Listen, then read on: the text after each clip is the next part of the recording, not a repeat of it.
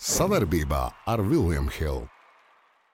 Esiet sveicināti, visi futbola draugi. Gads iet uz beigām, futbola sezona ir beigusies, un tāpēc mums pienācis laiks futbola apskatam.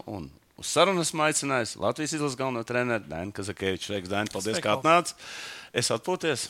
Jā, viss kārtībā. Viss kārtībā, svaigs, acis Jā, spīd, ja? jā, viss kārtībā. viss Nu, ko, gads 2023. ir, ir, ir kā saka, iet uz beigām. Futbols gandrīz Latvijā nekas nenotiek. 23. gads priekš basketbola un hokeja bija vienkārši unikāls. Tu pats to redzēji. Ja? Kā jūtas pastarīts futbols tagad uz tā panākuma? Nu, Ziniet, kā man grūti pateikt, kā varbūt jūtās viss futbols. Es pateikšu, varbūt, kā jūtos es. Nu, jā, nu, kā izlases treneris, ieraugot, kāda panākuma bijuši. Nu, pirmais, zini, mums starp citu par to ir pat bijušas tādas diskusijas, kad gāja vaļā hokeja čempionāts un basketbola čempionāts. Nu, es esmu reāls Latvijas izlases fans. ā, Sports spēlēs noteikti, un es ā, tiešām kā, kā līdzjūties lepojos ar, ar basketu un ar hokeja panākumiem. un Es uzskatu, ka visglupākais, kas var būt kādam, kas ir konkurents, domāt, lai visiem sliktāk iet, lai tikai mēs labāk justos. Skaidrs, ka uz šo, uz šo divu lielo panākumu fona mūsu sniegums tika vērtēts vēl uh, nopietnāk, vēl, Vēl zemāk. vēl prasīgāk, un līdz ar to, ja nebija rezultāti, arī vēl zemāk. Bet, jebkurā gadījumā, man šķiet, ka nu, pareizi ir salīdzināt mūsu pašus ar mums pašiem, nevis mūs salīdzināt ar citiem sporta veidiem. Un, un man liekas, ka visaplamākais, kas ir, ir uh, nepriecāties par savu kolēģu panākumiem, bet otrādi meklēt, meklēt stimulus, lai kādreiz arī nonāktu viņa vietā. Pie tā visa, ka skaidrs, ka katram ir sava situācija un savu spēku samēri. Tā kā pats gads bija sarežģīts, gan emocionāli, pirmām kārtām droši vien man pašam, gan izlasēji. To nevar, ne, nevar noslēpt un, un prasīja daudz spēka, daudz enerģijas, daudz emociju. Bet nu, citādi ir, ir, ir izdarīts tas, kas ir izdarīts, un tālāk jau var skatīties uz priekšu un domāt, ko no šī gada var paņemt eh, līdzi, kādas kļūdas ir pieļautas, kas labs ir izdarīts, kādi ir plusi, kādi mīnus, kā parasti gada beigās. Nu, ko, tad sāksim mēs ar eh, pa, pa izlasi, pa klubu mēs arī parunāsim. Eh, Nu, tu zini, es, es esmu tāds. Nu, es esmu tāds, nu, neesmu tāds uh, skatītājs, kas to futbolu skatās katru dienu, bet nu, tādos lielos vilcienos es tomēr gribētu parunāt par paudzi. Kāpēc futbols ir tur, kur viņš tagad ir? Nu, zinot vēsturiski, ka tomēr ir bijuši labāki laiki. Nu, tu, un, un kā tu vari vērtēt šo paudzi? Futbola paudzi. Nu, tu tomēr esi bijis jau nu, desmit gadus, tu esi tajā topā Latvijā. Kāpēc, kāpēc nav tāda paudze, kāda ir basketbolā vai hokeja? Nu, zini, eh, nu, Pirmkārt, ja runā par šo paudzi, es pats kā izlases treneris, ne tāpēc, ka tas ir politiski korekti, eh, bet es pateikšu, ka es varu pateikt tikai labākos vārdus par saviem ceļiem. Un ne tāpēc, ka viņi tur eh, pasakā kādus atbalsta vārdus tādā grūtā situācijā man, bet tāpēc, ka es redzu, ko viņi ikdienā dara. Un jāsaka, ka pie tā līmeņa, kurā viņi šobrīd ir, tanīs klubos, kur viņi spēlē un kuros čempionātos viņi spēlē, pret to pretinieku līmeni, ar ko mēs spēlējam, es viņiem noteikti nevaru pārmest pašadevi milzīgu vēlmi, maksimālu, maksimālu sišanos par karogu, par komandu.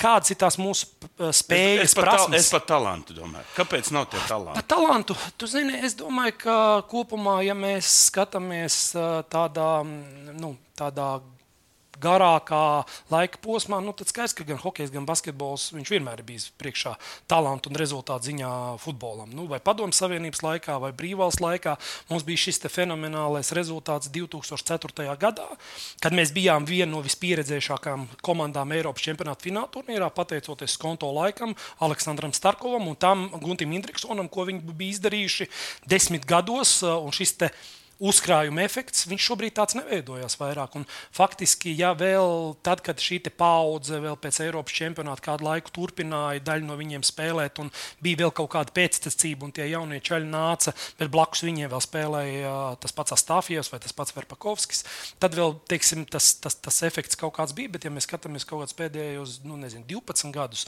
kā jau te arī runāju par tiem sportiskiem rezultātiem, nu, šobrīd man ir tāda, tāds iespējas, ka faktiski viss viss vis tas hype, kas šobrīd ir ap mani un ap nacionālo izlasi, uh, ir balstīts uz to, ka mēs visu laiku pēdējā laikā bijām ļoti konkurētspējīga komanda, kas bija blakus Eiropas čempionāta fināla turnīram, un, un pēkšņi mēs esam šobrīd netik, konkurētspējīga komanda. Nu, mēs pēc reitinga esam tur, kur mēs esam jau diezgan ilgu laiku. Un, uh, ja mēs runājam par šo gadu, tad, kā jau es esmu teicis, nu, mums ir šobrīd. Eh, Trīs pretinieki, kuriem mēs abās spēlēs zaudējām ar dažādām spēlēm, bet objektīvi, kur ir stipri spēcīgāki par mums, kur ir di divos pēdējos Eiropas čempionātos visi bijuši fināla turnīra dalībnieki, un divas no trim komandām bija pasaules pēdējā čempionāta fināla turnīra dalībniekiem. Un bija Armēnija, ar kuru mē- mēs punktus, punktā, tur, eh, punktus sadalījām. Mēs pret citām komandām nepaņēmām punktus, tāpēc objektīvi Jā, es varu piekrist tam, ka izlasē nebija progresa. un Es domāju, ka tas ir tāda emocionālā sadaļa, kas daudziem šobrīd bija. Ja šis iepriekšējais cikls, kad mēs aizvadījām iepriekšējo pasaules čempionāta kvalifikācijas turnīru, un viss bija tādās pozitīvās emocijās, jo viņš nāca pēc neveiksmīga um, nāciju līgas cikla, kad mēs neizkļuvām no šīs te, mm, apakšējās grupas. Uh, savukārt šis cikls nāca pēc uh, uzvaras nāciju līgā savā, savā grupā, un tam vēl klāt nāca pozitīvās emocijas no hokeja un basketbola. Un tās, tā, tās gaidības, ga- viņas bija gaidības stipri bija lielākas, lai gan objektīvi jāsaka, mūsu tās nu, iespējas jau nekur nemainījās. Un, kā jau teicu, nu, mēs pēdējos 12 gados oficiālās kvalifikācijas spēlēs vienreiz vispār esam apspēlējuši pirms tam tikai top 100 komandu. 19. Nē, gadā. nu, zin, kā, cilvēki tagad, viņi tu, tas nav svarīgi. Nē, nu, Nē, svarīgi skaidrs. ir to, ko tu esi darījis. Zin, kā, man bija ļoti interesanti parunāties, ko es esmu ievērojis. Ievērojis vienu lietu, ka tu spēlē vieniem un tiem pašiem spēlētājiem. Tas ir no Starko paņemts. Tā kā viņš bija savā laikā, viņš iespēlēja ilgi vienu un tie paši spēlēja, bet viņam bija rezultāts. Tev nav rezultāts. Ir tā, ka treneris nu, ka redz, ka nav rezultāts, viņš kaut ko spēja mainīt. Nav ar ko mainīt. Nu, redziet, kā tas ir. Tā arī nevar gluži pateikt, ka mēs spēlējam un pēc tiem pašiem spēlētājiem. Nu, tā, plus ja, mīnus. Nu, skaties, ja mēs salīdzinām šī gada pat sākumu, pirmo mūsu oficiālo spēli pret uh, Velsu.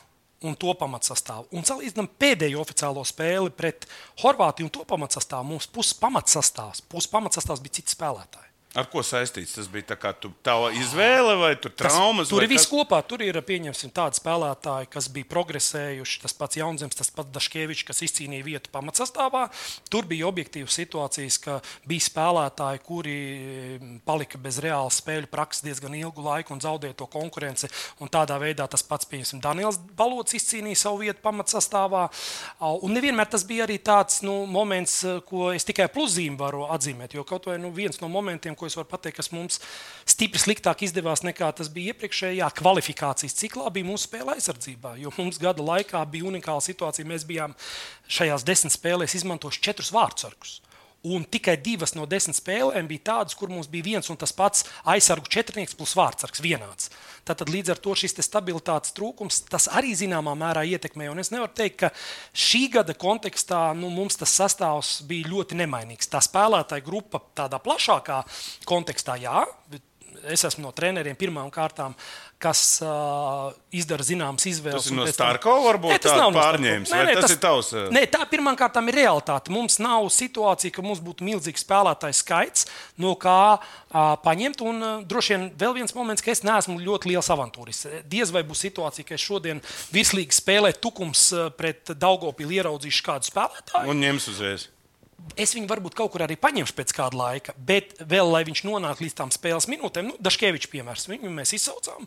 Viņš no sākuma pasēdēja soliņu, tad viņš sāka iziet uz mājiņu, vairāk minūtes, vairāk, un tad viņš sāk spēlēt pamatsastāvā. Jo līmeņa starpība ir milzīga. Un mums, mēs nedrīkstam sevi mānīt, un mums ir jāspēj adaptēt. Un tas, kas mums citreiz liekas nu, pašsaprotams, nu, jūs spēlējat ar Velsu, nu, jā, nu, jūs 0-1, 0-2 zaudējat, lai jūs arī tur līdz beigām pa kaut kādiem punktiņiem teorētiski cīnāties. Nu, bet kas tas ir?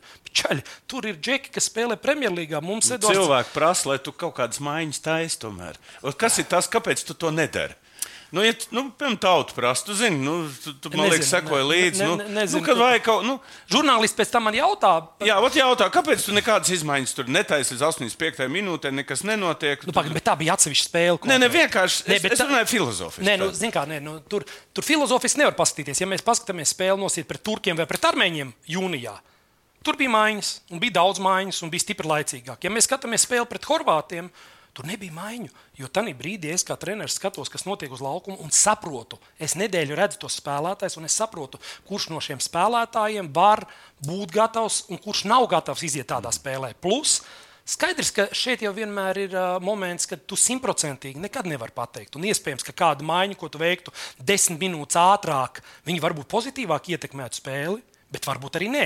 Varbūt būtu situācija, Tu, tu teici, tu neesi avantūrists. Es atbildi neesmu avantūrists viens, nu, un otrs ir kaut kāda faktoloģija. Nosacīti, pieņemsim, situācija, ko es sev pārmetu, ir lietas, ko es sev pārmetu.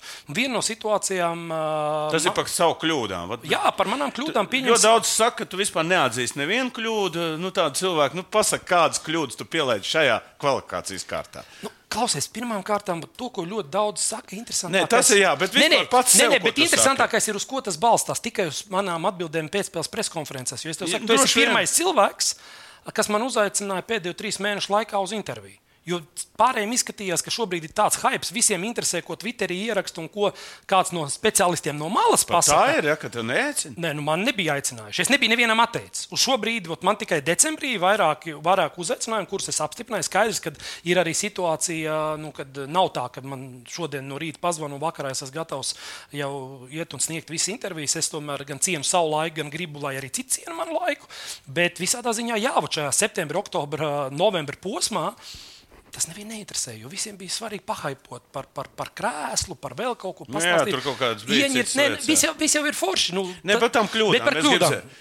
Ko Nu, tu kā? tagad? Tu esi nedēļu jau pagājis. Un tomēr es Vairāk viņš ir pagājis pēc spēlēm. Nu, jā, jā, bišķi- nu, es varu pateikt tā, ka skaidrs. uh, Es nedomāju, ka globāli ļoti daudz ko es varētu mainīt, bet bija lietas, ko es varētu mainīt. Un, ja runā par tām maiņām, tā ir arī viena no lietām uz abām pusēm.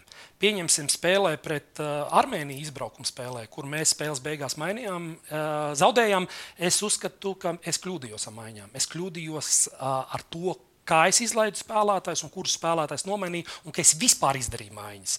Tāpēc šeit tas ir Tā arī bija pilnīgi cits variants. Jā, ā, un ā, jā, iespējams, ka bija pāris situācijas atsevišķās spēlēs, kurās ā, varēja spēles gaitā pēc tam jau ar atpakaļējošu datumu, kad es nu, skatījos šos video, varēja pieņemt ā, attiecīgi uz, uz ā, tādām ne tikai personālajām jautājumiem, bet varbūt zināmām arī tādām taktiskām niansēm, mazliet lēmums, kas iespējams mazliet to situāciju varēja pamainīt uz laukuma, bet atkal to ir baigi grūti pateikt, uz kuru pusi tas noslēdzās. Citreiz, kā spēlē pret Turciju, ā, mēs no it kā diezgan sarežģītas situācijas zaudējot rezultātā un nonākot mazākumā, uztaisām maiņas, un viņas dod pozitīvu efektu. Mēs gūstam vārtus. Bet viņš uzreiz arī iedod negatīvu efektu, jo tur konkrētie spēlētāji līdz galam nenostrādā, un mēs dabūjam to trešo, trešo svārtu no turkiem jā, jā, iekšā. pendeli, jā. vai, vai pēdējā spē- vai nākamā spēlē pret armēņiem, tur atkal otrādi. Tur, tur, tur teiksim, spēles beigās tieši bija situācija, ka atsevišķos momentos mums vajadzēja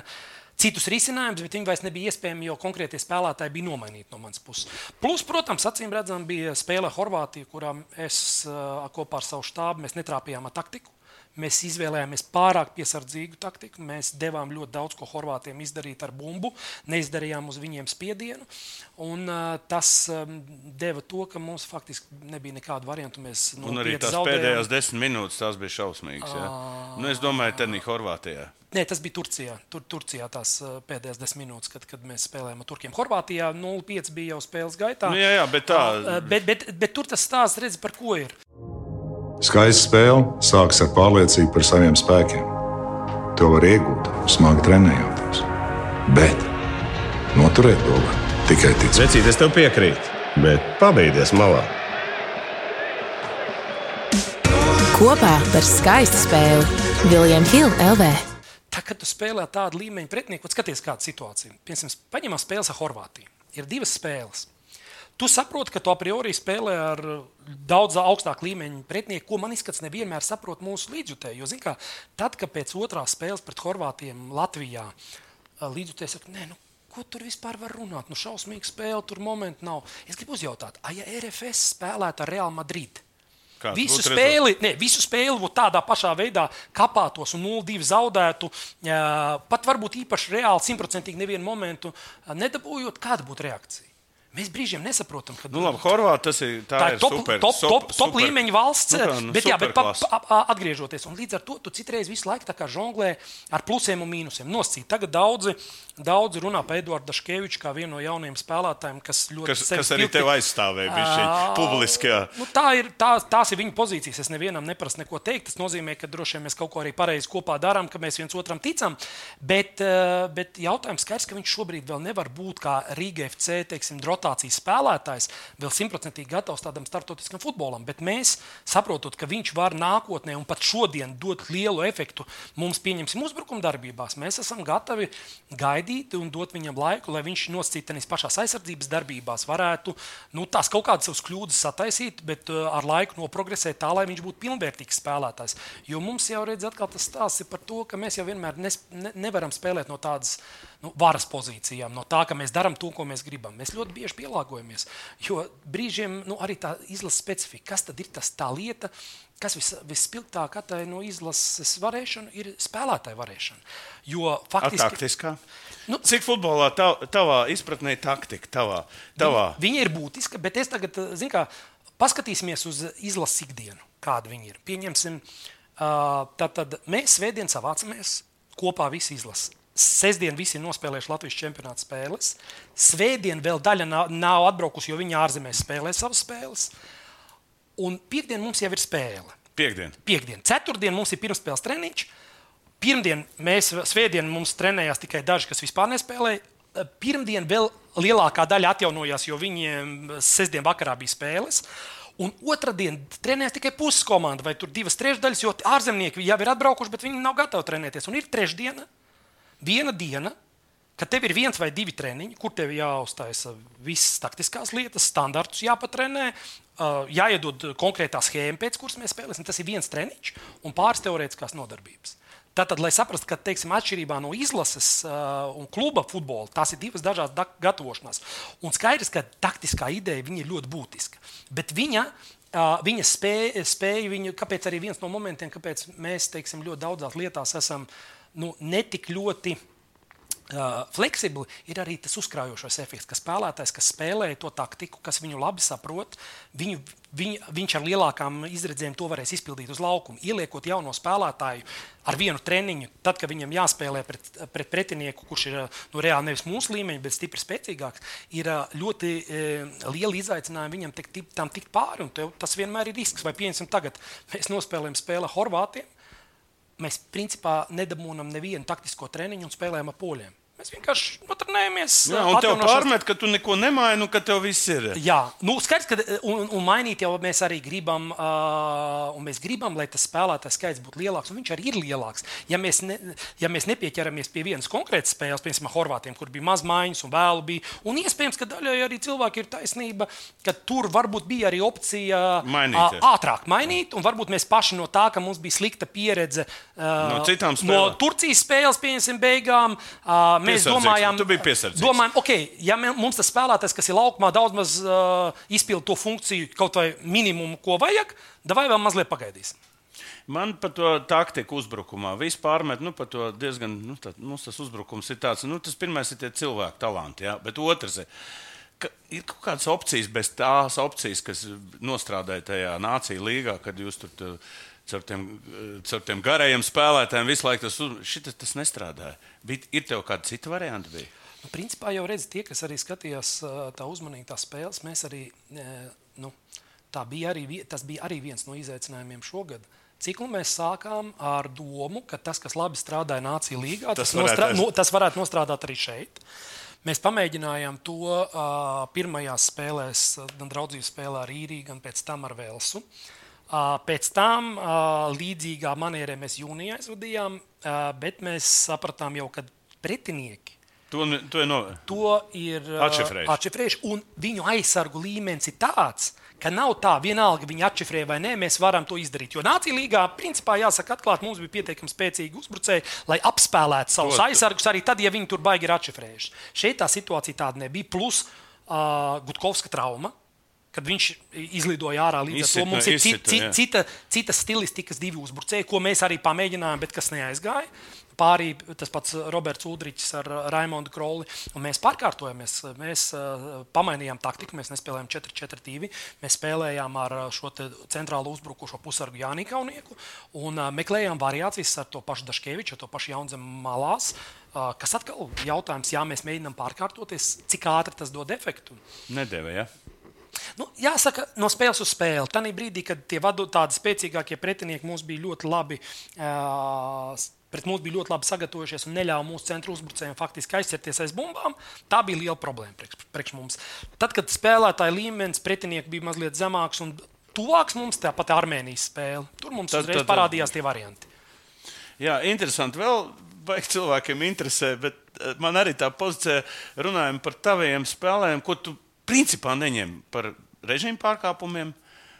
Par saviem personīgiem kaut kādiem nu, pieredzes, nu, šausmas, ka mēs ņemsim un tādu cilvēku. Ja? Tev, tev tie principi vēl palikuši, vai tu tomēr, vai tu tomēr esi gatavs kādam piedot un paņemt komandā? Nē, nu, ko nozīmē piedot? Redz, tas ir atkal tas stāsts. Vai tev ir tāda dzelžana nostāja, šitas ir ielikts paskastītē. bet, bet nu, zin, kā atkal, ja mēs panalizējam tā reāli, kuri, kuri tad ir tie spēlētāji, kurus es jau no laika gala nepaņēmu, un kuri ir tie, kas tagad es nezinu, ļoti spīd. Es tev prasu. Bet, zin, kā, nu, nu, tad, tad tie, kas to saka, tad viņi nosauc tos uzvārdus. Kuri tie, kas spīd uh, un regulāri spēlē? Un kurus tu neņem? Kurus es neņemu? Viņi rītā var atnākt un izmainīt reālu situāciju ar savu talantu, ar savu meistarību. Tā tā. Ja ir arī kāds spēlētājs eh, nosacīti, kurš spēlē pietiekami regulāri un kuru var paņemt, bet viņš ir apmēram tāds pats kā tie, kurus es paņemu. Bet tie, kurus es paņemu, eh, Redzi, man izskatās, ka tas ir viens no stāstiem, kas ir manā, manā tādā raksturā. Es negribu mānīt ne sevi, ne citus. Ja tu kā treneris netici tam spēlētājam, Tā labāk neņemt. Nu, kam? Nu, tu viņam tu tāpat atradīsi iespēju, kāpēc pie viņa piesieties, ko viņš nav izdarījis, kur viņš ir bijis vājš, kāpēc viņš nespēlē.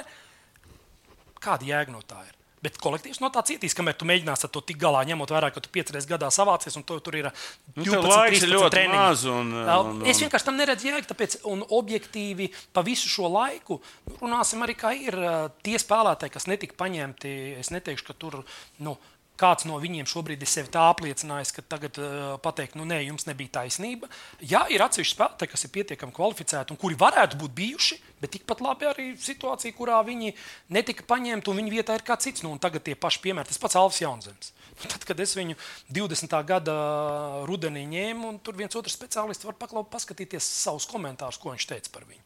Šobrīd tas ir jā, jā, bet redzēt, nē, nē, tas viss skaidrs. Tad, bet ir mums nav tie talanti, jā, un mēs tā kā atgriežamies, tu tomēr biji par sporta direktoru, tu biji atbildīgs.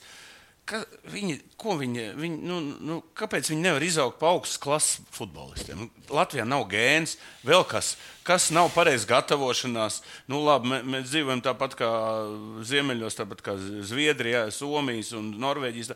Kas vēl te trūkst mums? Nu, Tik daudz, nu, viņiem ir vairāk futbols kā basketbols. Nu, zin, jaunatnē. Es... Kur ir problēma?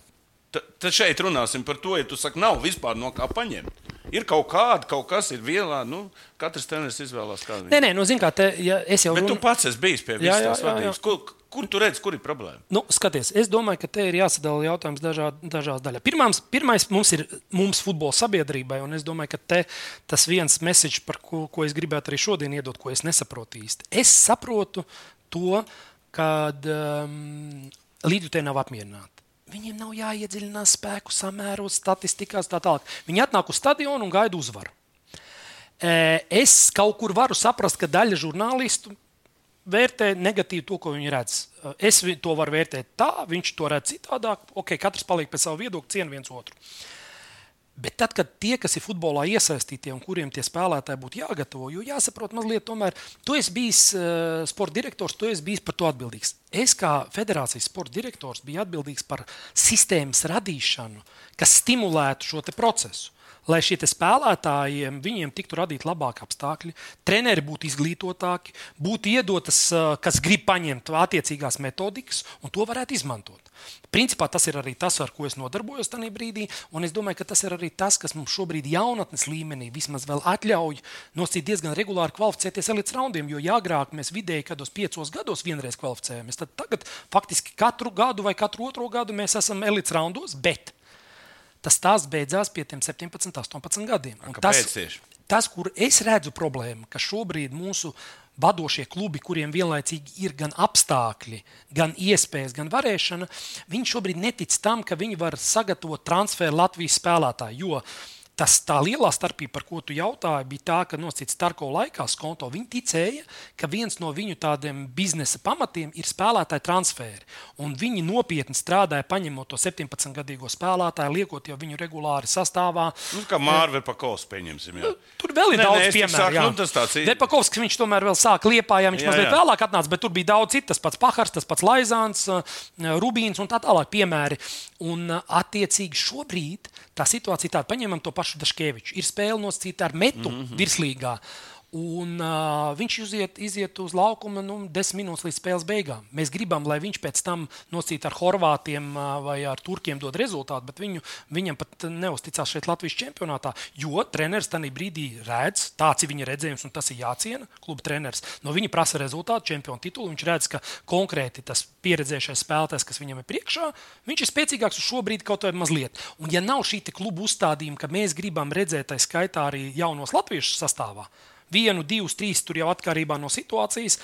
Tad, nu, tad ir grūti, jo tad tā pārējā sanāk tā, ka šobrīd mums Latvijas nākamās izlases spēlētājs gatavos otrā piecinieku klubi, kuriem nav ne konkurences līmenis treniņu procesā, ne finansu iespējas.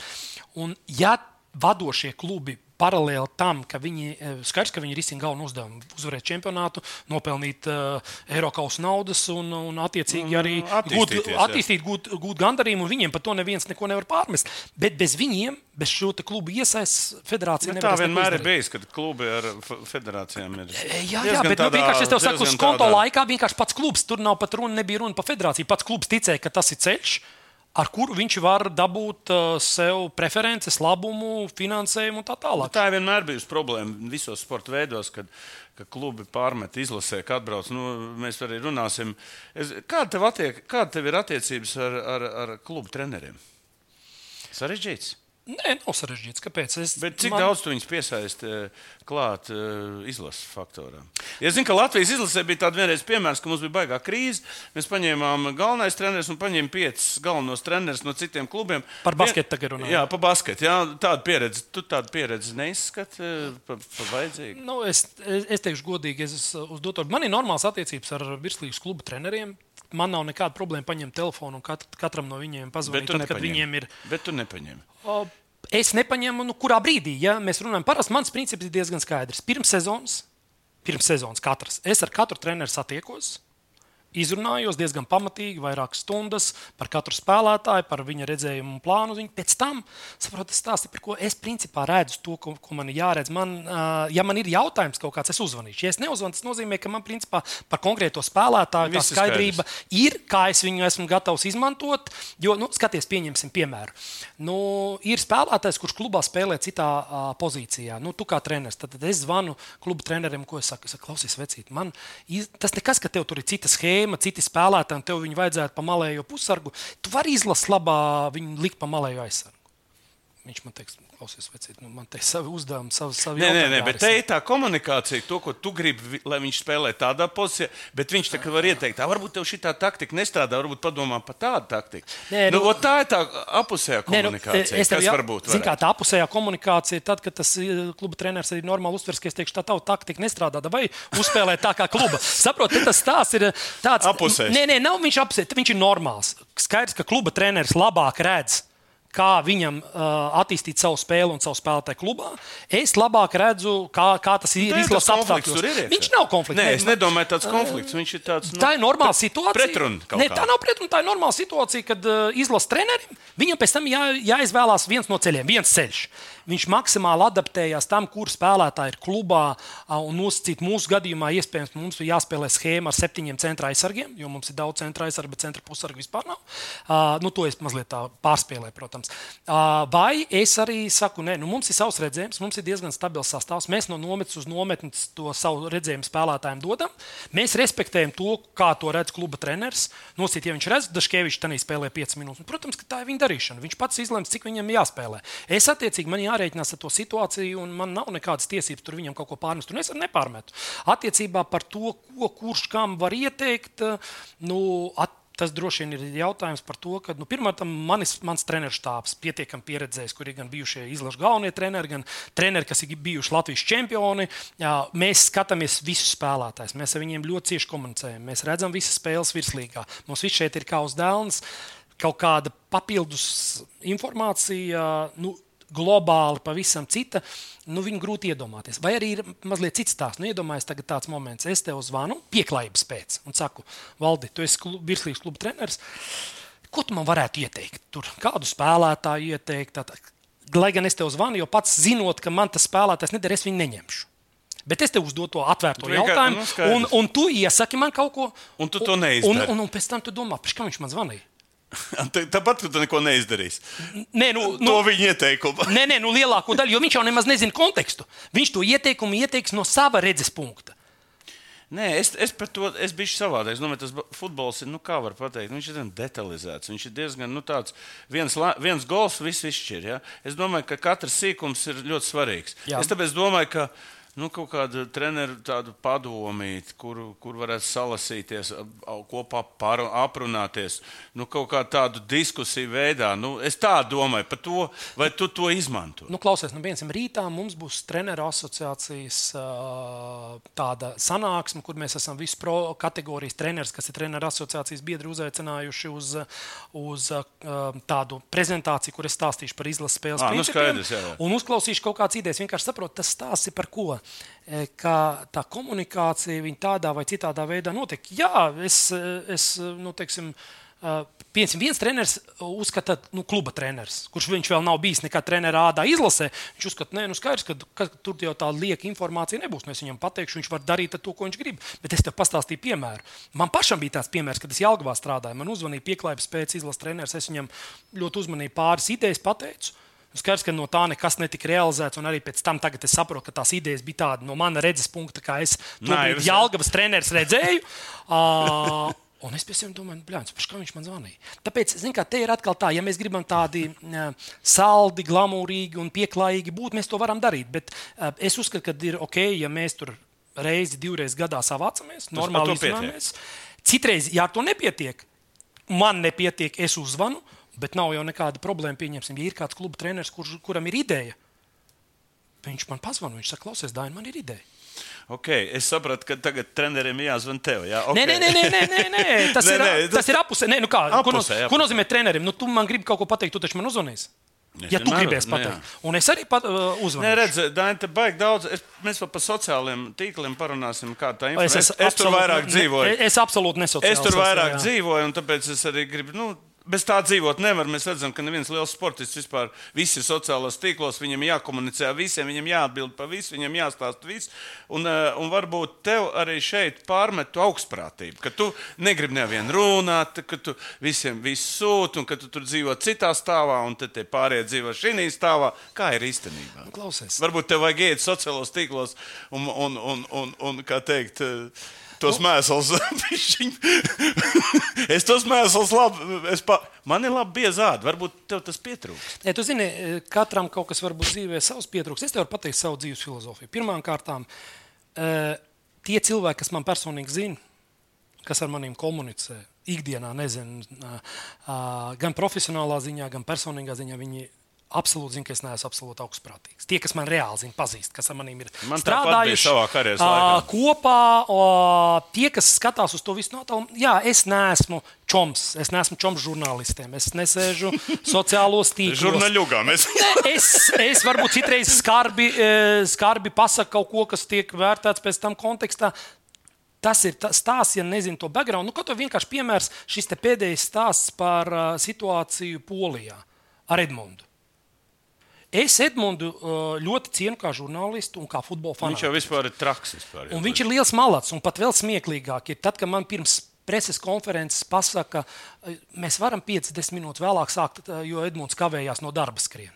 Un es nesaku, klausieties, tā ir Nacionālās izlases preses konference, vai sāksim laicīgi, kas vispār tas ir. Bet šeit ir situācija, pa dienu es ar komandu esmu pastaigā, mums ir salikts plāns.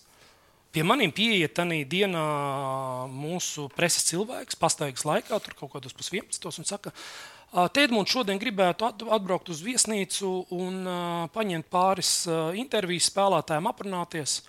Tā situācija ir tāda, ka mēs visi iepriekšējo dienu esam lidojuši. Tā ir vienīgā brīvdiena mums, kad mēs varam tā kā mazliet attiekties. Tālāk mums ir vakarā pirmspēles treniņš un nākamā dienā spēle. Es saku, nē, Un, principā, to tā tēma būtu beigusies. Es teicu, nē, nu, laicīgi jāsaskaņo viss. Ja tu man tagad pasaki, ka viņš pēc dažām stundām grib atbraukt uz viesnīcu, nē, mēs mierīgi gribam gatavoties, negribam tagad, lai spēlētāji raustās. Un tad pirmspēles preses konferencē Edmunds tādā, Dusmīgs. viņš tādā tonī Jā, dusmīgs. jautā ar tādu tekstu, varbūt vispār tā vietā, lai spēlētāji bezjēdzīgi, nu, kaut kā tā aptuveni kontekstā, nu, tur pavadīt laiku viesnīcā, viņiem būtu labāk patrenēt uh, savus, uh, savus, savu, savu, savu intelektu prātīt, vai jā. savu prātu ar uh, atbildēm uz jautājumiem. Tad brīdī es domāju, bļāvies. Kā tas domā par sevi? Nē, nē, nē, viss ir skaidrs. Bet, nu, tad, tad, tad, tas ir tas stāsts. Es saku, nu, tu varbūt tomēr cieni mūsu kā nacionāla izlase un cieni, ka mums ir kaut kāds savs režīms un savs plāns. Ņemot vērā, ka tikko bija spēle un pēc spēles ir šī te zona, kurā pilnīgi visi spēlētāji tev pieejami. Un tas bija dienu atpakaļ. Un Tad tu neprasi. Un te tu biji apbežojies uz, uz mani, kā uz galveno treneru, ka es tās pašā dienā saņemot to pieprasījumu, pēc dažām stundām tev nedēļu zaļo gaismu. O, nu, tāda situācija. Skaidrs, ka arī uz šo situāciju var visi dažādi paskatīties un teikt, nu, viņš taču ir augstprātīgs. Bet no otras puses, klausieties, nu, gribās taču arī kaut kādu kārtību komandā, Nacionālajā izlasē. Nē, es izstāstīšu pieredzi no savas uh, prakses, kad es sāku arī tur. Uh, Man, ne- man nekad nav bijuši labi. Nu, tādas, man bija žurnāls, ar ko es runāju, runa- bija ko, ko es nerunāju. Bet eh, es sapratu, ka man kaut kāda liela darba jāizdara. Tad es izdarīju tā, man bija sponsors Berlats. Viņa gan konjaka, gan kastu šņaba katru reizi. Nu, tad mums bija preses konferences, un tad, nu, un tad sēdāmies pie galda, iedzērām. Nu, tā visiem varēja izrunāt. Saprot? Un man liekas, ka tas ir tas pietrūkst Jā. tev ar viņiem, kad tu beidzot apsēstos pie galda, izrunātos, un, un ta, tas spriedzi mazinātos. Nu, kā, es dom- nē, es, es saprotu, ka tas nav viegli. Nē, nē, nu, Šo, pir... šodienas ar, man, ar maniem ir vispār bezcerīgi šajā ziņā. Pirmais bezcerīgais ir tas, ka es uh, netaisos būt aktīvs sociālos tīklos. Netaisos tāpēc, ka tā ir mana dzīves filozofija. Es Nu, uzskatu, ka tā ir laika zaudēšana. Dabūs kritika. Ko darīt? Tāda ir dzīve. Kā es tur teicu, kāds eh, rīt no rīta atmodīsies dzīves, kāds neatmodīsies dzīves. Tāds ir mans dzīves princips. Es, eh, Stingri savā pozīcijā. Es, uh, ja kāds grib, lai es kādam patiktu, es izpatikt netaisos. Es visus cienu, cienu viņu darbu un viņu ieguldījumu, un tāpat gribu, lai ciena manu darbu. Tie, kas neciena, tā ir viņu darīšana. Es domāju, ka tas arī ir mazliet tāds hype, kas tagad ir, ka nu, tā kā jū, tu neesi tādā mūsu bariņā, tu neesi ar mums, Jā, tu nerīvējies, tu tur Twitterī nekomentē. Es pat dabūju pa tevim pa pūrni, tas, ka es tev aizstāvu. Nu, piedod, nu, piedod. e, jo man tas arī smieklīgi liekas, ka tas, kas ir tādā trendā, tie visi ir malači. Jā. Tiklīdz kādam ir cits viedoklis, nezinu, Dabūs kāpēc viņi ir uh, vai nu uzpirkti, vai nu vēl kaut kā. Nevar būt cita viedokļa. Tas nozīmē, tas tā ir interesanti. Un tāpēc, pabeidzot šo tēmu, uh, šnabis arī ar viņiem neiedzeršu, es ne, nedzeru šnabi un nedzeru vispār. Tā kā mums šeit ir tikai vienīgais variants, ka mēs viens otru cienām un uh, katrs dara savu darbu atbildīgi. Tas jau ir intelekta līmenis. Un viss būs kārtībā. Bet vēl viena lieta, ko es gribēju izrunāt, tās attiecības ar faniem. Tur ļoti tur, nu, tāda ažiotāža bija. Tur arī sāk me- mest eh, teikt, biļetes eh, urnās, ka neiešot vairāk uz spēlēm. Mēs atceram Nēlandu reakciju kopumā. Nu, tur bija tāds aizdoms, ka, ka, ka, nu, ka kāds ir devis komandu tiem faniem. Kā tur īstenībā bija? Tu vari izstāstīt. varbūt? Es nezinu, kā tur bija faniem. Tā ir situācija, kas man noteikti apbēdina. Man, man, man, man šķiet, ka mēs. eh, Nu, note- kā tu reaģēji, ka bļauj, Daini, out? Tas, tas nebija patīkami. Tas nebija patīkami. Nu, Un es kā- Domāju, kā- un kā tu- kā, es domāju, ka tas ir vēl viens stāsts, ko šajā situācijā jāpasaka. Man liekas, ka tā ir tā disonance, ko mēs tā kā iekšēji komandā. Līdz galam nu, nespējam pieņemt, ka mēs no savas puses varbūt mums tā tik liekas, un pilnīgi visiem pārējiem liekas citādi, bet tas tā īsti nav. Jo, ja nu, mēs neorientējamies tikai uz sociālajiem tīkliem, bet uz personīgo komunikāciju, kas man ir bijusi, tad tur ir bijušas dažādas komunikācijas. Ir bijušas, kas man ir pateikuši, nē, mums nepatīk, kā izlase spēlē, un viņai jāspēlē daudz labāk, un, mēs vispār cik ilgi. Tu negribētu ar faniem vienkārši kādreiz, eh, nu, tie, kas tur gatavs. ka to, ka to bļauj, nu, vienkārši pateikt, nu, pateikt, kas pietrūkst. Pietrūkst tas, ka tu klusē. Nē, Un nu, tu labi. neviens nesaprot, nu, tu vari pateikt cilvēciskā valodā. Labi, nu. bet- bet zini kā, bet fanu tas- nāk 7000 nāk, Jā, jā. cilvēku uz katru spēli. Jūs zaudējat, viņi nāk, skatās, viņi grib atbildes. Ne, Daini, vajag atbildes. Pagaidiet, klausies. Nu, sāksim ar ko? Uz kādiem jautājumiem? Nu, Kāds ir jautājums? Bet, Kāds ir jā, Bet, jautājums? lai viņi uzdod, kas viņam nepatīk. Bet, bet noformulēt to jautājumu. Nu, Zini, kā- nofer, nu, ka, kas tur nu, tu, viņiem ko vajag? Kaut tu, tu, viņi te uzdos jautājumu, tu atbildēsi, ar to viņiem pietiks. Kaut vai jautājums viņus neapmierinās. Tā atbild. Nē, nu, zini kā- es, tā, es tā saprotu. labi, tu zini kā, pasaulē tas- tas ir. stāsts ir- Tev jāsamierinās ar, nu, ja, kā teikt, jās, ar tiem faniem jāiet kopā. Tu nevari vienkārši sēdēt vienā stūrī un viņi bļaus otrā stūrī. Daini, go out. Jā. Klausies, zini, kā vispār interesants stāsts par faniem bija. Es tev pateikšu. Es, uh, mēs no, aizvedījām to spēli pret Horvātiem. Kas bija slikta spēle? Vissliktākā šogad, un mēs visi tādi bijām pēc spēles sašauti un sapratām, ka gan paši slikti darbi izdarījām, gan nekas uz laukumu nesanāca. Un tā, un atbraucām uz šejienu, un spēle bija ar vēlsu. Nebija izcilākā spēle, bet mēs centāmies maksimāli saņemties un izdarīt visu, kas mums, kas mums uz to brīdi bija iespējams, lai mēs tur pacīnītos pa punktiem. Pašā spēles beigās mēs ielaidām tos otros vārtus. Un es tajā brīdī man vispār nebija doma par to, kad, uh, kad uh, tur būs kaut kādas akcijas un vēl kaut kas. Un es tajā brīdī pēc spēles, jūtot reāli visas spēles laikā, labu atbalstu no tribīniem, gāju pie fanu sektora. Un to arī tur bija pēc tam nofilmējuši, ka es gāju pie fanu sektora, viņiem pateicu paldies. Un pretī es ieraudzīju un sadzirdēju to, ko viņi teica. Un tajā brīdī es pagriezos un aizgāju tīri emocionāli. Nu, man nebija Nu, jā, jā, nu, tad patīkami. Un uh, runājot par to komunikāciju, saprotiet, es varu atbildēt uz jautājumiem arī faniem. Es labprāt esmu gatavs ar fanu līderiem satikties, aprunāties, bet es varu atbildēt uz konkrētiem jautājumiem. Kas tad ir tā pretenzija? Konkrēti. Vat es arī gribētu zināt, kas kas ir tā pret- pretenzija? Komanda necīnās, nav pašadevis. Ir, ir slikti izvēlēta taktika, neatbilstoša. Nav atbilstoša spēlētāja. Kas ir konkrētā pretenzija? Ja tā pretenzija tu mums nepatīk, nu, ko tad es tur varu izdarīt? Es taču nevaru iepatikties, un es arī negribu visiem iepatikties. Man nav tāds dzīves mērķis. Es daru to darbu, ko es daru pēc savas labākās sirdsapziņas. Tie čaļi arī dara pēc labākās sirdsapziņas. Iespējams, mūsu meistarības līmenis neatbilst tām gaidībām, kas ir. Nu, veči, bet uh, es uz to nekādu atbildi nevaru sniegt. Kādu es varu sniegt atbildi? Es varu sniegt atbildi par konkrētiem jautājumiem. Es viņus nedzirdu. Es arī no preses nedzirdu tos jautājumus. Tad, kad man sāk stāstīt, un tagad arī presē, vai cik slikts cikls un tā tālāk, tas ir tas, ko es tev teicu. Ja, par to, ka mēs pēdējos 12 gadu laikā esam vienreiz uzvarējuši komandu oficiālajās pirmā kvalifikācijās no pirmā simtnieka, ne no 20. Vienreiz pret uh, Austriju 19. gadā, un otrais bija tagad pret Armēniju. Veči, katrs atsevišķi, mēs esam viens pirksts. Visi kopā esam dūri. Pamēģini atklāt. Labi jau teicu, bet bumbā dos. Kopā par skaistu spēli Viljams Hilde LV. Otrais. Tālāk, nākamais stāsts ir par to, ka, mē, ja mēs skatāmies visus tos iepriekšējos ciklus, mēs esam pirmo reizi ar piecām komandām. Tas nozīmē, ka mums grupā nav komanda, kas ir no sestā groza, no cita Andorra, Liechtensteina, Gibraltārs. Un tas nozīmē, ka šobrīd, ja mēs noņemam tos ciklus, kas tur bija, mums vienmēr bija vai nu piektā, vai nu sestā vieta grupā no sešām. Nekad nav bijusi pēdējo 12 gadu laikā augstāk. Uh, un, ja mēs noņemam punktus, ko mēs iegūstam pret to pēdējo vietu, tad pat tas pēdējais cikls, kas bija pret Gibraltāru, kad, mēs, kad mēs bijām ar Gibraltāru grupā un kad viss teica, baigi foršais cikls, mums tie paši trīs punkti bija. Un tur no viens līdz četri punkti. Un tad, kad tādā situācijā, ka it kā punktu ziņā, tu skaties, ka ok. Mēs neataisnojam cerības, ne savas, ne iespējams fanu. Mēs gribējām, un mums vajadzēja paņemt pāris punktiņus arī no tām augšējām komandām. Tas ir tas, uh, kur ir taisnība. Un taisnība, ja saka, man vienkārši nu, nav progresa jums šobrīd. Es piekrītu. Salīdzinoši ar to, ko mēs paši varbūt gribējām, un to, eh, ko sagaidīja fani, nav progresa. Objektīvi mēs esam tādā, tad, kad man jautāja, kā jūs vērtējat ciklu.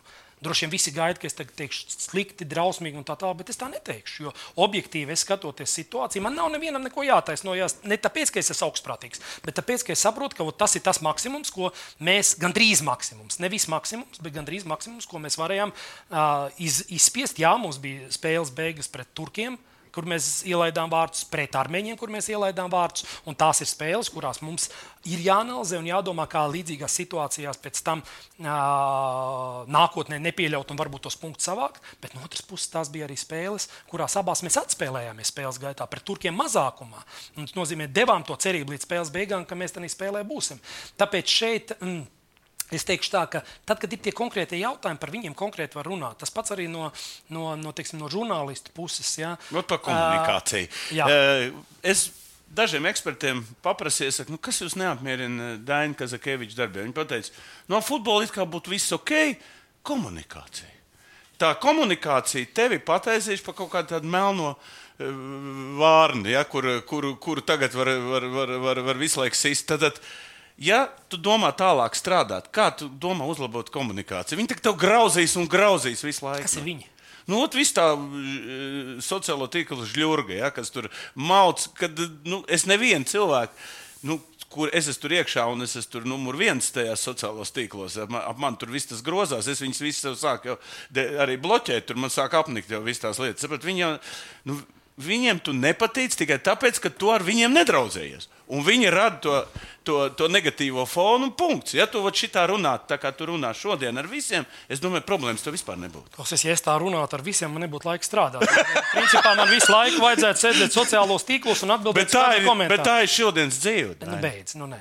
nu, reāli runāsim, kā ir iespējams, ka kāds varbūt ir gudrāks un viņš paņem vienu cilvēku darbā, kurš tur komunicē un atbild un raksta smukus tekstus. Tagad mākslinieks Socia- intelekts paņem, s- ieliec savu seju, paņem savus tekstus un dragā visu laiku. Klausies. Lai viņš tavā vietā atbild. Nu, es, es zinu, kā es tev pateikšu, kā ir.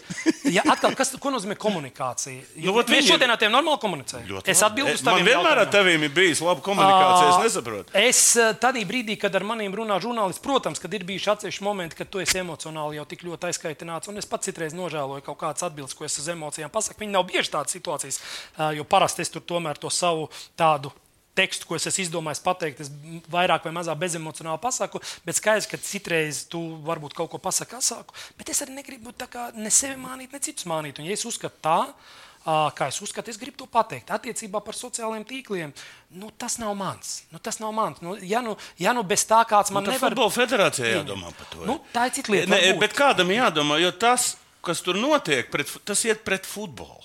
Tas neiet, ja iet tas pret tevi, tas iet pret futbolu. Saprot? Un tur kaut kas ir jādara. Vai nu ar viņiem kaut kas jāatrod, vai nu kaut kāda iespēja. Bet saprot, tā nevar konfliktēt, zaudēt futbols. Tā, Nē, tā ir manī. Jā, jā, es, es, es neesmu speciālists šajā ziņā. Es tev pilnīgi Tāpēc tie fani arī bļauj. Ne jau viņi bļauj, tāpēc, ka viņiem nepatīk dēns, bet tāpēc, ka viņi dzird, ko, tur, ko viņi tur runā. Nē, nu labi, nu tie fani arī nosacīja, tas bija konkrēts, uh, konkrēti viņu reakcija. Es domāju, ka tam ir daudz dziļākas saknes, par ko es neesmu gatavs šobrīd runāt. bet Es domāju, tur nav tikai futbols. Nu, es domāju, ka tur ir ļoti daudz cilvēku, kas uzticās dažiem cilvēkiem uh, un viņu viedoklim. Tā ir fu- futbola Un, sabiedrība. ā, Tā ir dalītā futbola sabiedrība. un- Pārnāksim tad pie futbola Nē, nē, nu, sabiedrības. jā, bet, bet tas, ko es gribu pa- pabeigt par šo tēmu, eh, stadionā ir ļoti daudz cilvēku, kas arī atbalsta izlasi un, ne, ļoti nu, un nesvilpj un nevienu nekur nesūta. Tas arī ir fakts. Un, attiecīgi, arī, bet, bet es vēlreiz saku, situācijā faniem viņa laikam tā ir. Tā viena no konkrētām lietām, kas man ļoti apbēdina. Es negribu, lai tā situācija tāda būtu. Es gribu, lai mēs ar savu darbu, ar savu spēli laukumā varētu iedvesmot. Un tad, kad es dzirdu pēc spēles ar armēņiem, kad man parāda tur trīs šitos skrīnus, kur rakstīts, da labāk viņi būtu zaudējuši. Tad gan es domāju, ka tam cilvēkam kaut kas nav kārtībā. Nē, nu jā, nu tā Eh, jo, nevar, jo tad, ja Pers- tas komanda, ir kaut kas personīgs. Jā, tad, tad tas ir cits stāsts, un es jau tur nevaru vairāk pār... Jo, redziet, tas atkal runāja par futbola neiepatikies. Neiep... Nē, nu, tas ir zin kā, mūs, mūsdienās pirmām kārtām daudzas lietas var tikai tādā vēsturiski, šī ilgākā periodā novērtēt. Paskatīsimies pēc 10, 15 gadiem, kad būs vēl vairāk treneru Un pastrādājuši. Es jau saku, kas būs. Un- nā... Es gribu nākošo ciklu citu Un, treneru. un, un, un redzēsim, es e, vēlreiz es saku, es šajā ziņā ar cieņu izturos, ka katram var būt savs viedoklis. Tāpat es uzskatu, ka e, mūsdienu sociālo tīklu laikmetā visstulbākais, ko var darīt, ir mēģināt visiem iepatikties. Tas nav reāli. jā, jā, tu tas- pazaudē sevi, un jā. vēl jau vairāk, ja tu esi galvenais treneris, tev ir baigs ļoti svarīgi tas, lai komandas iekšienē, kolektīvā. Tu iedod dod pareizos signālus, tu visu darbu laiku velti tam. Es piekrītu, ka iespējams tādējādi tu kā attālinies no, tā, no, tā visa, no tās visas tās sociālās vides, bet nu, katrs mēs esam dažāds. Nu, katrs mēs esam cilvēcīgi dažāds, un es vēlreiz tādā ikdienas reālā dzīvajā komunikācijā esmu gatavs komunicēt gan ar faniem, gan ar uh, kolēģiem, un es to arī daru tad, kad, tad, tad, tad, kad tāda nepieciešamība rodās. Bet iet tagad un pārliecināt katru trījumā nē, vai sociālos tīklos, ka viņam Klausies, nav taisnība, es to nedaru. Tev uzdot jautājumus un, un, un Jā, jā, dzirdēt jā. no tevis tavu viedokli. Man vairāk neko nevajag. Tā cilvēki paši vērtē, ir futbola sabiedrība. Šodien es varbūt negribu tik daudz runāt par futbola sabiedrību. Vēlēšanas būs tikai nākošais gads. Bet es gribētu pa virslīgi, tas ir tā, tā, tā skaistā puse, kas ir futbolam Latvijas, kuri viņi dominē šobrīd visā hokeja. Te viņi dominē pār futbolu un par, ne par hokeju un par basketbolu. Jo tur čempionātā jums ir desmit komandas. Atceros, vēl mūsu, mūsu kopējais draugs Edmunds no Vīsas teica, kā, kās tās desmit komandas. Es teicu, nē, ir vajadzīgi attīstīt reģionus, jaunie spēlētāji. Viss. Kā tu uztver šo desmit komandu? Formulu un vispār uh, virslīgas plusus, mīnus šobrīd. Tu tomēr skaties no malas. Nu, zini, kā es teikšu tā, ka kopumā kā nacionālais produkts, tādīs iespējās, kādas šobrīd ir Latvijai ekonomiski, infrastruktūras ziņā un tā tālāk, manuprāt, tas ir uh, ļoti pozitīvi vērtējams produkts, virslīga. Uh, tev ir taisnība, ka domāju, viņi mm, ir ļoti, ļoti priekšā daudziem citiem sporta veidiem, gan ārpus futbola aktivitātēs, gan arī tādā interesē, kas no līdzjutēju puses ir futbolam. Skaidrs, ka es domāju, ka ir būtiskas iespējas vēl progresēt tieši fiziski skatītāju piesaistē, kas ir tribīnēs. Jo tas ir atkal tāds viens jautājums, ka šobrīd mēs visi esam tādā virtuālajā vidē ļoti aizgājuši, un uh, tur uh, mēs citreiz daudz lielāku vērību pie, pie, pievēršam. Tur, stadionu. Uh, vajag labus stadionus, kurā jā. tu vari sēdēt. Jā, jā bet šajā ziņā un... es domāju, ka te arī ļoti, ļoti labi var labus vārdus pateikt par tiem vadošiem virslīgas klubiem, kas ieguldās infrastruktūrā. Un jā, tas ir uh. LNK parks, arī mēs, piemēram, kā izlases trenējamies Rīgas bāzē, Piņķos, kas ir nu, ideāli laukums, super labi apstākļi. Jā, tas vēl tur nav stadions, vēl nav tribīnas, bet tomēr. Es domāju, ja mēs runājam par tādu nacionālu produktu, tad virslīga ir ļoti laba līmeņa sacensības. Desmit komandas eh, šogad pierādīja, ka viņas pilnībā sevi attaisno, bet es domāju, ka tā arī ir tā robeža reālā šobrīd vairāk mums diez vai vajag. Es domāju, ka mēs desmit... redzējām pēc pārspēlēm arī. jā, bet eh, jāsaka, ka ja es runāju no izlases konteksta un salīdzinu piemēram spēles intensitāti, meistarības līmeņu starpības un tā tālāk. Tu, tu redzi, ja? nu, nu, iedomājies, nu, piemēram, mūsu centra aizsargiem. Nu, tas ir normāli. Tas nav nekas nenormāls. Nu, mēs nevaram šobrīd gribēt, lai mūsu uh, līga būtu vienā līmenī, nezinu, ar Spānijas, Holandas vai, vai, vai Francijas līgu. Nu, tas, tas, nav, nere, tas ir nereāli. Un šobrīd mēs saprotam, ka mums ir divas vadošas komandas, kas savā starpā cīnās par čempionu titulu. Tad ir vēl mums trīs, ir jā, divas, trīs nākamās komandas, un tad ir nākamais piecinieks, kas ir principā jauniešu tādas pusprofesionālās komandas. Vot kāpēc? Vot es par basketbolu piemēru pateikšu. Lietuvas, līga, nu, Lietuvas granda aizgāja no Baltijas līnijas vispār. Kāpēc? Uh. -huh. Tāpēc, ka viņi, tie divi grandi, uztā, nu, viņiem ir savs nacionālais čempionāts, viņi saka, mums vajag jaunos talantus, un tāpēc mums vajag 12, 14 komandas, lai mēs tur varētu aizbraukt. Tur kāds jauns sabons izaugs, un mēs viņu pēc tam paņemsim uz žāģeri. Tāpēc ir vajadzīgs tās četras komandas lejā. A, varbūt no Tukuma, varbūt no kaut kurienes izliks no Daugopils kaut kāds jaunais Rudņevs vai pieņemsim nu, kaut kāds spēlētājs. Tāpēc viņi vajadzīgi. Nē, nē, noteikti. Tā, tā ir tā noteikti, ideja. Ne jau tas, ka tur viņi konkurētspējīgi būs. Noteikti tas, ko es varbūt gribētu nu, vairāk redzēt, bet tas ir atkal tāds stāsts. Es saprotu, ka tas ir tā, tā katra zaudētā punkta cena ir ļoti liela. Tas, kas man varbūt mazliet izbrīna, ka tām vadošajām komandām citreiz nu, ir spēles pret atklāti jauniešu sastāviem, pret kādām citām komandām, bet nu, tā, arī tajās spēlēs ne īpaši daudz laika uh, iegūst tie spēlētāji jaunie, kas ir to vadošo komandu rindās. Bet nu, cilvēcīgi tos treneris var saprast, jo viena zaudēta tur uh, divi punkti vai trīs pret Jālgavu vai Supernovu beigās var Rīgai maksāt titulu. Jā, nu, to mēs. Citu, man ļoti Šodien varbūt tā nav sarunas tēma. Es baigi gribētu parunāties par visu sagatavošanu, sporta zinātni, jo tagad tā, nu, mums ir tik maz tā nācija, un mums uz to katra kadra jākoncentrējas. Tas nav padomus savienība, kurā simts nomira un, un, un, un simts vietā bija. Mums viens nomirs, mums nav vietā.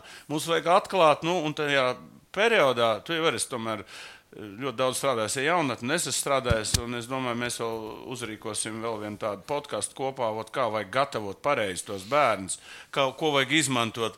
Jo mēs pat daudz tukšu laiku, nu, man liekas, bēr, nu, treneris strādā pa tukšu, un mēs tos čaļus nepareizi gatavojam un neatklājam. Nu, Zin, es domāju, ka lielākā problēma, kas mums ir, ir tā, ka bērnu sports ir kļuvis par daudz atkarīgs no vecākiem, no vecāku naudām.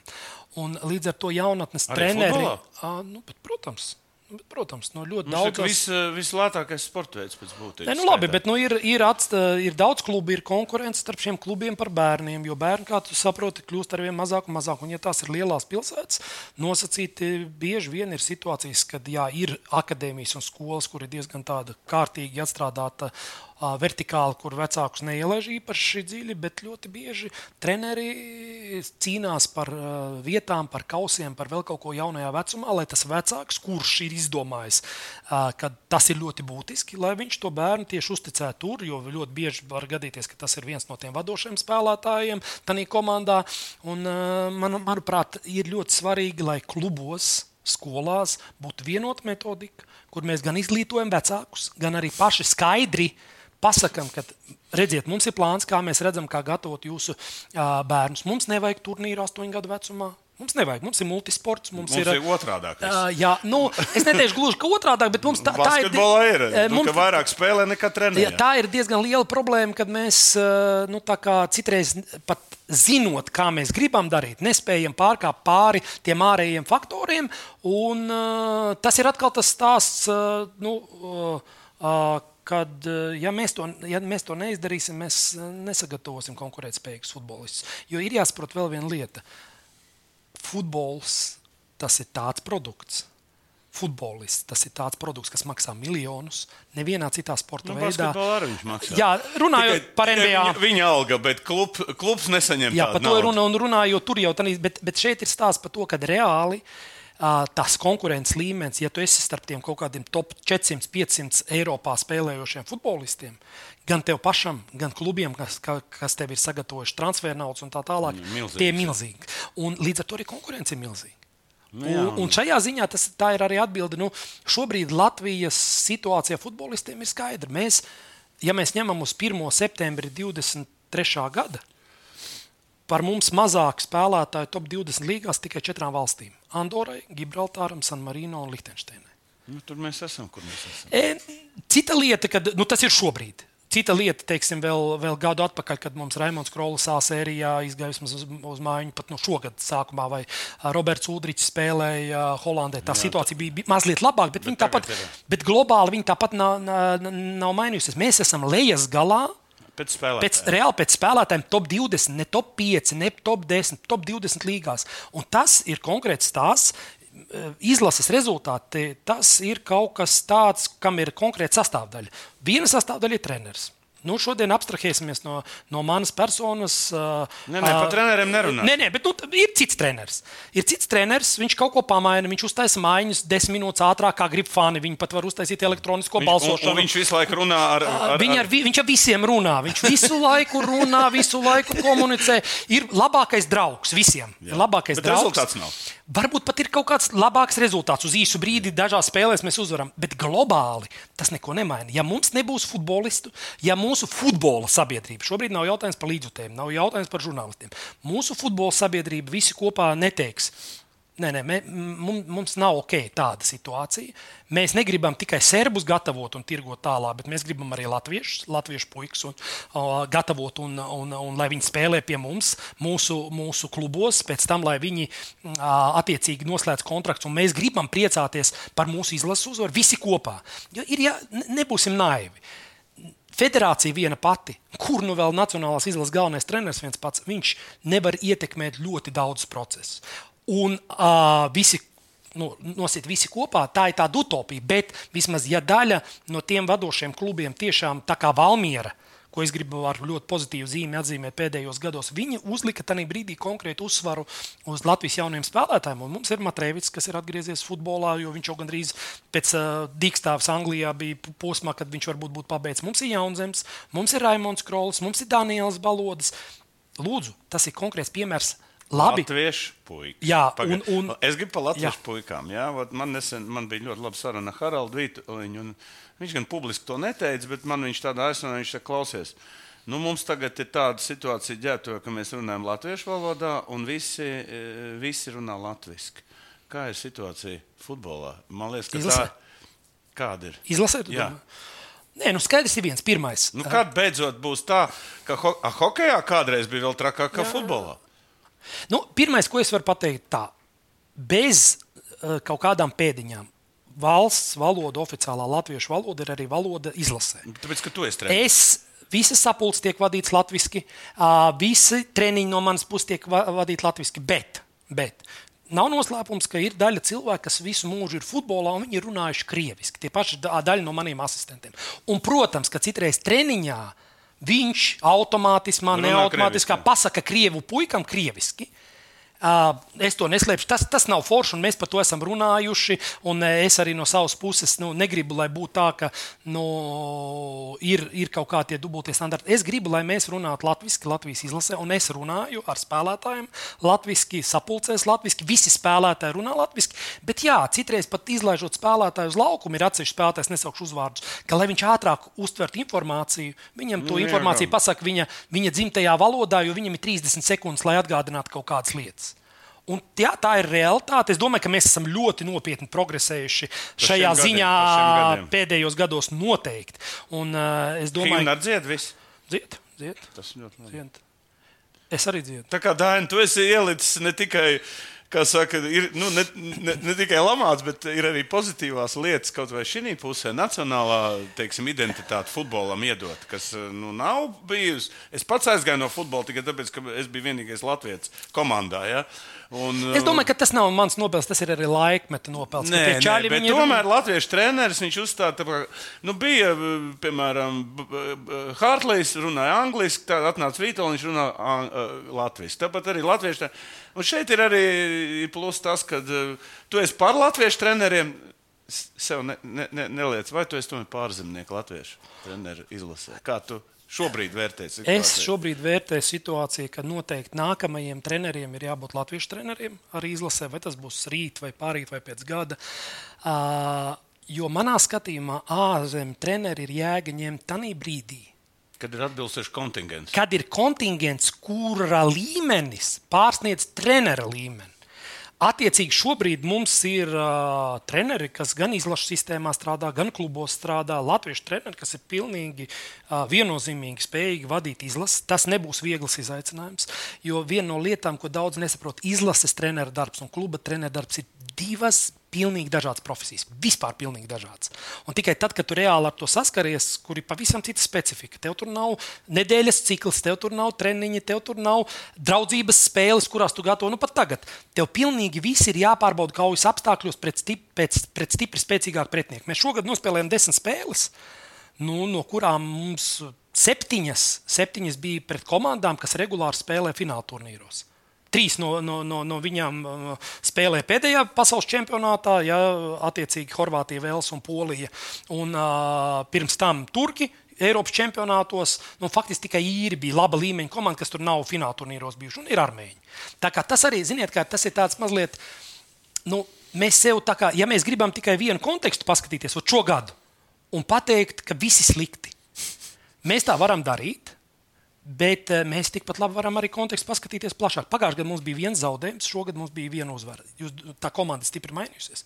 Nē, mums pretinieku līmeņi bija citādāk. Pagājušajā gadā mēs spēlējām pret aptuveni savu līmeņu komandām, kuras lielākā mērā mēs nu, uzvarējām, gan draudzības spēlēs, gan, gan, gan oficiālās. Nu, es nezinu, jo man ir tāds iespējas, ka brīžiem ir daļa cilvēku, kā, kā tu teici, kuriem vienkārši nepatīk. Nezinu, kā es komunicēju, ka es varbūt neesmu viņiem čoms un tā. Un viņi vienkārši tajā brīdī nu, bija spiesti mazliet paklusēt ilgāk. Bet arī, jo, ja tu gribi negatīvu atrast, jebkurā dzīves meklē, situācijā, meklē, jā, meklē, sameklē. Un, un, bet, bet arī es, es vēlreiz saku, es, es arī es absolūti nepiekrītu tam, kad ir vērtējums tik ļoti negatīvs, kāds viņš ir šobrīd izlasē. Es absolūti tam nepiekrītu. Mēs godprātīgi savam, savu darbu darām. Atbildīgi uz maksimumu, kas mums ir. Vai ir bijušas kļūdas? Jā, ir bijušas kļūdas. Vai ir bijušas neizteiksmīgas spēles? Jā. Un gan mums pašiem, gan arī sabiedrībai cerības bija lielākas uz šo ciklu. Arī mēs pirms cikla, nu, mēs principā kā minimums domājam, ka mēs pret Turkiem un pret, pret Velsu kādā no, no tām četrām spēlēm paņemsim punktus, un tas mums neizdevās. Tas ir jāatzīst. Nu, ko, pēdējais jautājums, tāds pa, pats provokatīvākais. Mārcis Kalniņš ir teicis, ka basketbola futbola sabiedrība ir gatava kā treneru maiņai izlasē. Kā tu varētu nokomentēt šo? Tu esi gatavs pamest izlasi. nu, tieši tāpēc, ka viņš pateica, nu, tie ir viņa vārdi, un viņš tomēr nav pēdējais cilvēks futbolā. Nu, kā tu vērtē viņa to izteikumus? Tas ir tā tāds izaicinājums tev.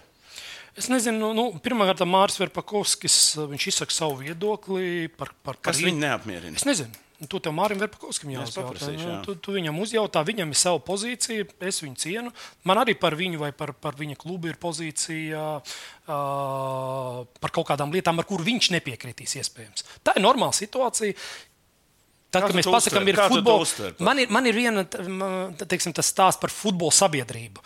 Eh, Kas ir futbola sabiedrība viņa izpratnē? Nu, futbola sabiedrība ir tie vēlētāji, kas tur eh, toreiz sanāca, kad Gorkšs vēlēja un ka, kāda miskas tur nāca ārā. Ja?